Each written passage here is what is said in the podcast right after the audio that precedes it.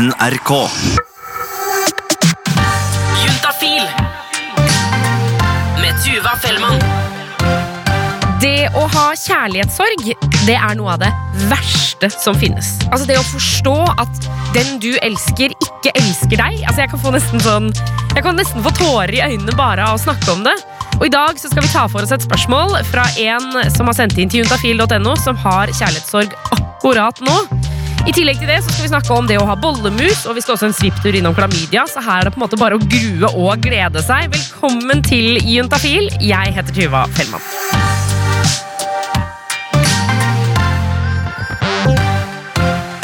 Sex og samfunn det er altså et helt nydelig sted i Oslo hvor man kan stikke inn og få hjelp til både det ene og det andre når det kommer til sex, kropp og følelser. Men du kan også stikke innom sexogsamfunn.no, stille dine spørsmål på den chatten som er oppe mandag til torsdag, og en av de som sitter og svarer, eller kanskje møter deg på klinikken, alt ettersom, det er Trine fra Sex og Samfunn. Velkommen til Juntafil. Tusen takk. Veldig hyggelig å ha deg her. Det er alltid deilig å få eh, støttende eh, Det er på en måte Det er jo liksom deilig å få liksom informasjon inn i rommet. Det er det jeg liker så godt med, med dere fra Sex og Samfunn.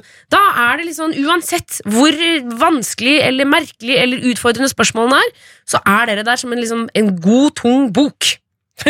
Oi, oi, oi. Ja, det var hyggelig å bli kalt. Det er ikke så, Åh, god, tung bok. Ja, det Ja. var et kompliment som Ja, traff meg. det, det kjente jeg. um, vi får jo besøk av dere uh, hver uke her i Juntafil for å svare på de spørsmålene som kommer inn på juntafil.no. Ja. Nå har vi fått inn et ganske sånn tydelig spørsmål. Det er fra en jente på 21 som skriver Jeg har fått klamydia, har gått på antibiotika i en uke. Er jeg garantert kvitt det, eller er det en sjanse for at jeg fortsatt har det? Eh, Det er sånn med antibiotika som eh, man bruker til klamydiabehandling. Da bruker man ofte den som heter doxycycline. Doxycycline. Ja. Mm. Eh, og den bruker man eh, i en uke. Og da forsvinner klamydia. Vi har, ja, vi har enda til gode å ikke se at klamydia blir borte. Så tidligere sa man ta en kontrollprøve, men det har vi slutta med å si.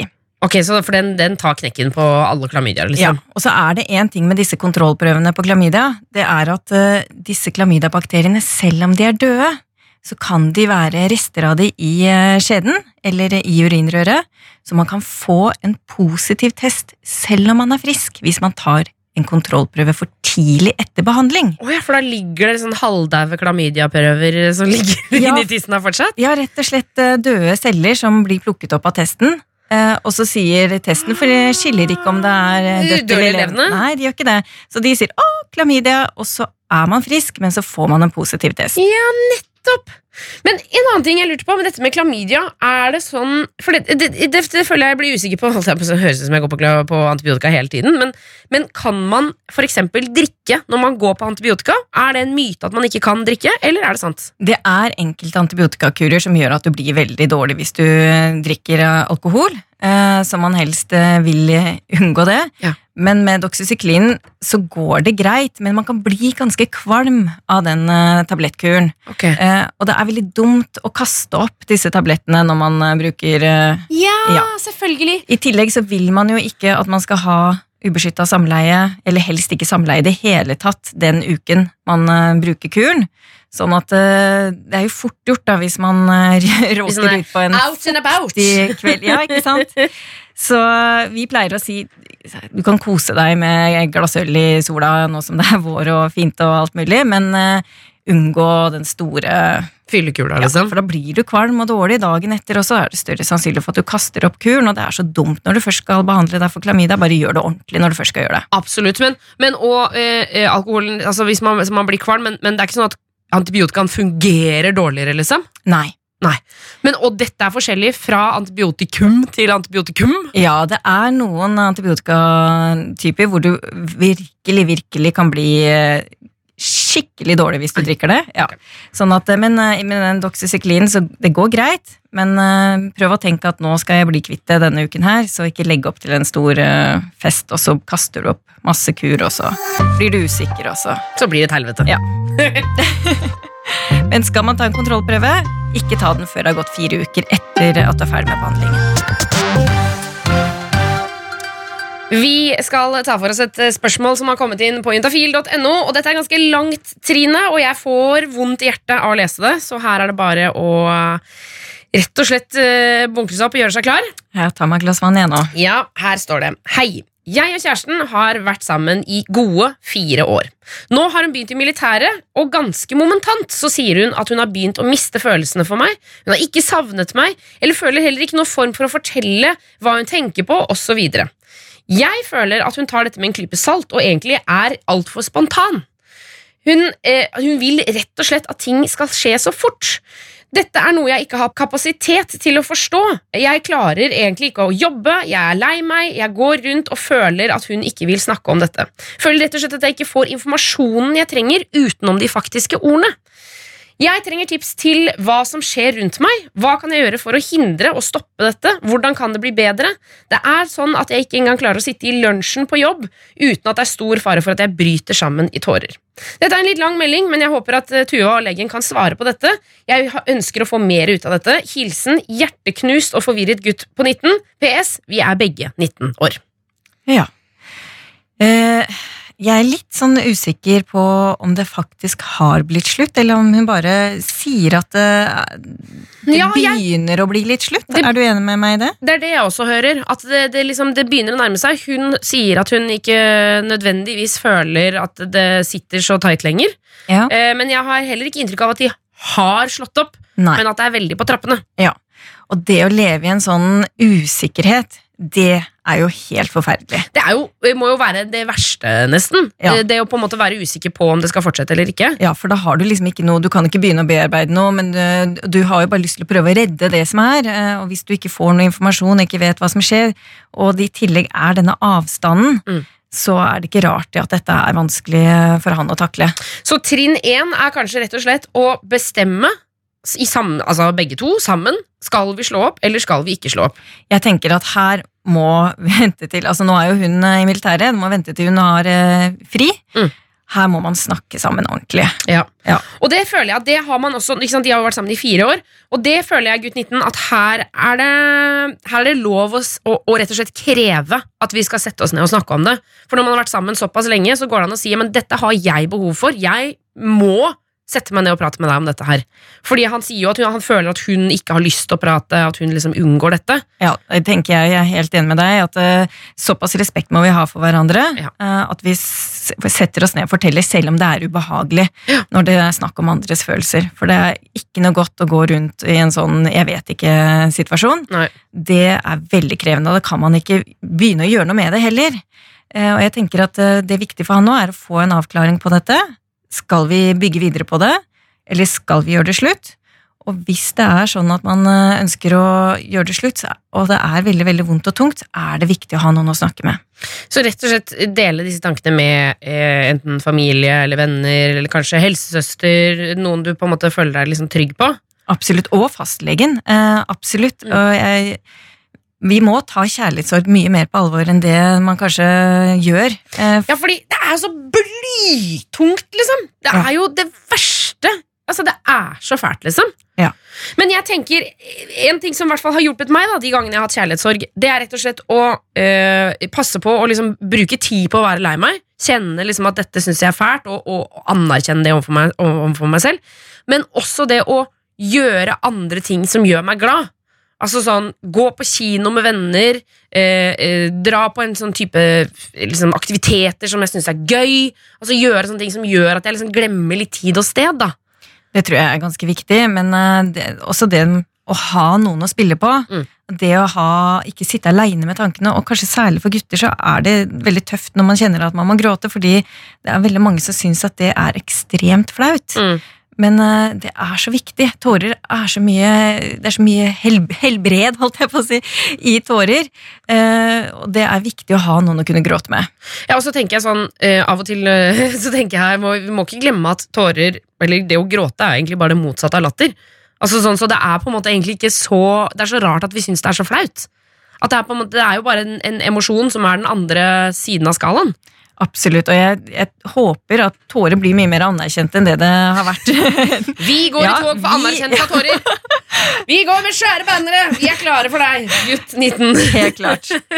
Og så, helt på tampen her, jeg tenker eh, Det er det egentlig Det er dritt å høre når man har kjærlighetssorg, men jeg føler at det er likevel viktig å si at det kommer til å gå over. Det kjennes ikke sånn ut nå, men jeg lover deg at dette kommer til å gå over. Det gjør det.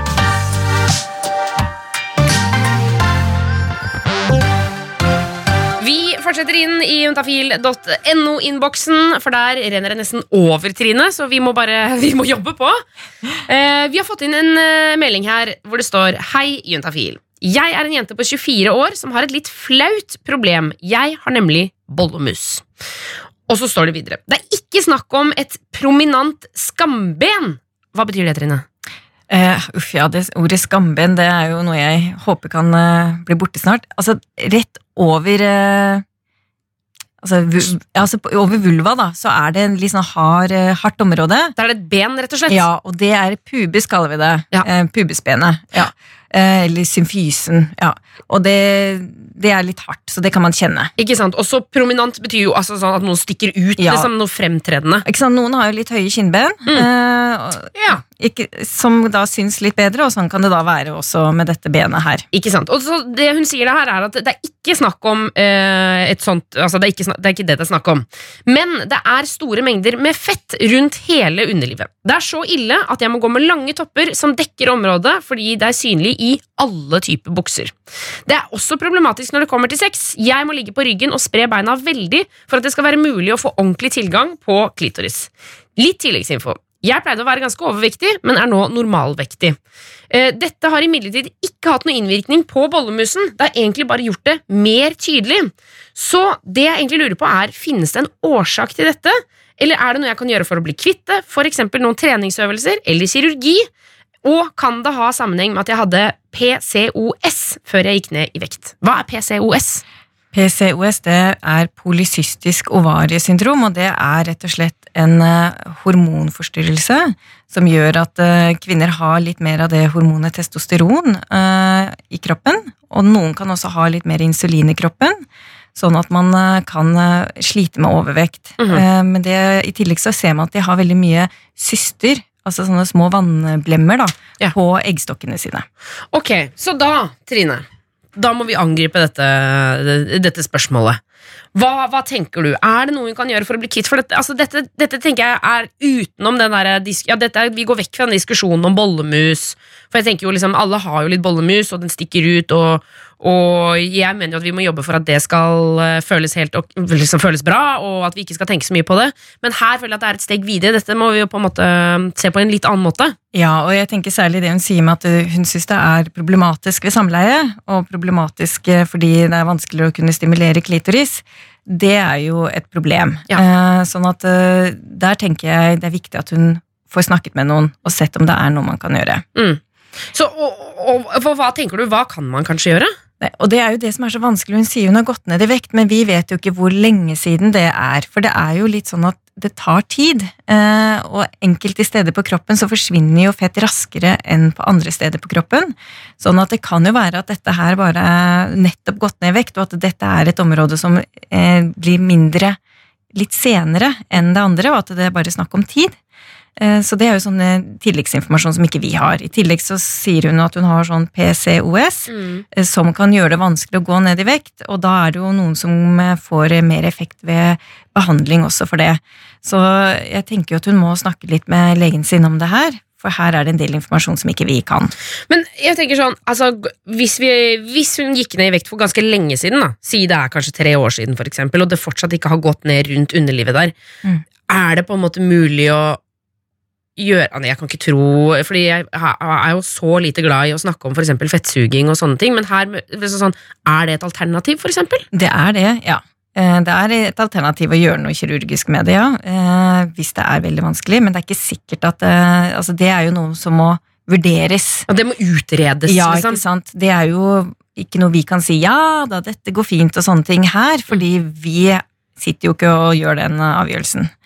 Eh, Men det går an å ta kontakt og høre, men det spørs om det er noe som blir dekket, da. Ja, ikke sant? Men det mener jeg jo at det burde det jo definitivt bli hvis, de gjør, hvis dette fettet for eksempel gjør at hun ikke får stimulert øh, klitoris ordentlig, så er jo dette et problem i hverdagen. Da mener jeg sånn, Det er det samme som å øh, altså, Som alle andre ting som vi får dekket, som gjør at vi ikke får greier å ha ordentlig sex, da. Eller god sex. Eller hva tenker du? Absolutt. Eh, det er jo bare litt problematisk at man har lagd sånne definisjoner på hva man skal få og ikke Ja. få dekket, og sånne ting, og det er jo det som gjør det litt vanskelig. Men det er mange som får dekket eh, operasjoner etter at man har gått ned veldig kraftig vekt, f.eks. hvis man har, hatt, har mye ekstra hud eller sånne ting. Sånn at det, jeg syns hun skal snakke litt med legen sin om det, Mm. eh, for det er greit å få noen å snakke med. Ikke sant? Og her er det muligheter. Her er det mulig.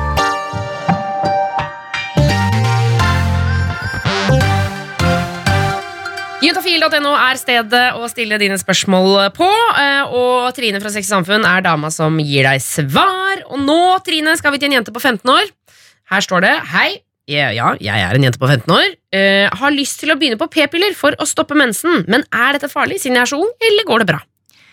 Det er, går jo bra, uh, men det er veldig viktig når man skal starte på p-piller, at man har litt uh, informasjon først. Fordi p-piller inneholder et hormon som heter østrogen, Mhm. og det hormonet kan gi en ørliten risiko for eh, blodpropp eh, og i sånn hjerte- og karsykdom, så da må man vite litt om familien sin, sin helse. Det er derfor man alltid får sånne spørsmål eh, hos legen sånn Har du hatt blodpropp i familien? Og så går de gjennom en sånn liste. Ikke sant? Så hvis du har lyst på det, så er det lurt å snakke litt, kanskje høre litt med familien. Er det noe spesielt jeg må tenke på? Ja. Men det er ganske mange som sliter med menstruasjonsplager, og da syns jeg det er veldig fint at man har noe å kunne hjelpe dem med. Og det fins prevensjon som ikke inneholder østrogen også. Ja. Sånn at har man hatt noen problemer i familien med blodpropp, så er det hormonell prevens- prevensjon som inneholder bare ett hormon som heter gestagen, som går helt fint an å bruke. Ja, fordi jeg skjønner jo, eh, Hvis man er 15 år og kanskje ikke nødvendigvis er keen på å flagge det så himla mye til familien at man skal begynne på p-piller, så eh, kan man da ikke sant, Hva vet du som oftest om de i nær relasjon har hatt blodpropp? Holder det? Det holder. Det er- holder, ja. ja. det holder. Mor, far og søsken, sier vi. Og de skal ikke ha hatt blodpropp før de er Ikke sant? Så vi eh, trenger ikke å ta hele slektstreet, liksom. De, de fleste har en eller annen bestemor eller en oldemor som har hatt blodpropp. Ja. Eh, Det spiller ingen rolle. Ok, så da eh, Man trenger ikke å liksom karte opp sånn, Vi hadde noen slektninger i England på 1700-tallet. De hadde blodpropp. Ja, ikke sant? Nei, det slipper man. Eh, Men det er veldig overraskende hvor fint det kan være å snakke med foreldre om sånne ting. Eh, Og de fleste mødre har jo også kanskje hatt menstruasjonsplager eller hatt noe med mensen, eh, de også. Sånn at eh, er det fordi du sliter med menstruasjonsplager, så er det fint å, ha, å snakke med noen om det også. Ja, ikke sant? Så, men er det noe nedre aldersgrense for å begynne på p-piller? Altså, eh, det er jo en eh, Vi sier at har du ikke fått din første mens ennå, så skal du ikke begynne på På p-piller. Nei. Nei. Eh, men det er jo så varierende når folk får den eh, menstruasjonen for første gang. Ja. Og det er jo ikke noe Klart at er du ti år og du har kjempeproblemer med menstruasjonen din, så må man jo kartlegge det hos en ordentlig lege. Ja. Eh, det er jo noen som har det, og det er jo ganske, kan være ganske dramatisk da, for de unge jentene som har det. Ja, fordi for, til, til deg som nå sitter og tenker sånn Ja, ja, mensen, alle liksom har jo det, og det er på en måte ikke så stress. Noen har jo altså så sinnssyke plager med det. Ja. Jeg har jo snakka med jenter som har sånn Jeg får så vondt at jeg, jeg må være hjemme fra jobb. Jeg bare klarer ikke å gjøre noen ting. Det er klart at Alle har det ikke sånn, men noen har jo faktisk ordentlig trøbbel med det. Ja, og det kan være vanskelig i forbindelse med aktiviteter. Du kan tenke deg hvis du er elleve år og du skal på skitur med klassen, og så har du mensen og blør igjen. Altså, det er ikke veldig lett og ikke veldig gøy. Nei. Eh, så jeg syns vi skal ta dette her med mensen litt sånn på alvor for de som sliter veldig med det. Eh, men det er jo ikke sånn at man må bli kvitt mensen, men man må ikke ha mensen heller, eh, for de som har eh, plager. Ja, ikke sant, For vi har kommet dit i dagens samfunn. Det, jeg synes jo det er litt deilig at nå kan man faktisk fjerne mensen. Ja. Hvis man vil. Så, eh, okay, så det er helt ok å begynne på eh, p-piller eller annen prevensjon når man er eh, 15 år, men eh, selvfølgelig, du, det er jo ikke sånn at du finner p-piller liggende på gata. Du må jo få det av noen. Det er jo reseptbelagt. Så derfor så må du også ta den praten om eh, familie og liksom bare dobbeltsjekke at alt er på stell. Ja, og sånn som det er i dag, så er det kun leger som får lov til å skrive ut eh, prevensjon for de under 16 år. Så da må man snakke med en lege, men det kan man også gjøre på helsestasjon for ungdom. Ja. Men vi på Sex og Samfunn vi jobber for at eh, også helsesykepleiere og jordmødre skal kunne skrive ut til de under 16 år. Ikke sant. Og med det så sier vi takk til Trine. Du kan treffe henne og hennes kollegaer inne på sexogsamfunn.no og få hjelp til dine spørsmål om sex, kropp og følelser. Og det kan du selvfølgelig også på juntafil.no.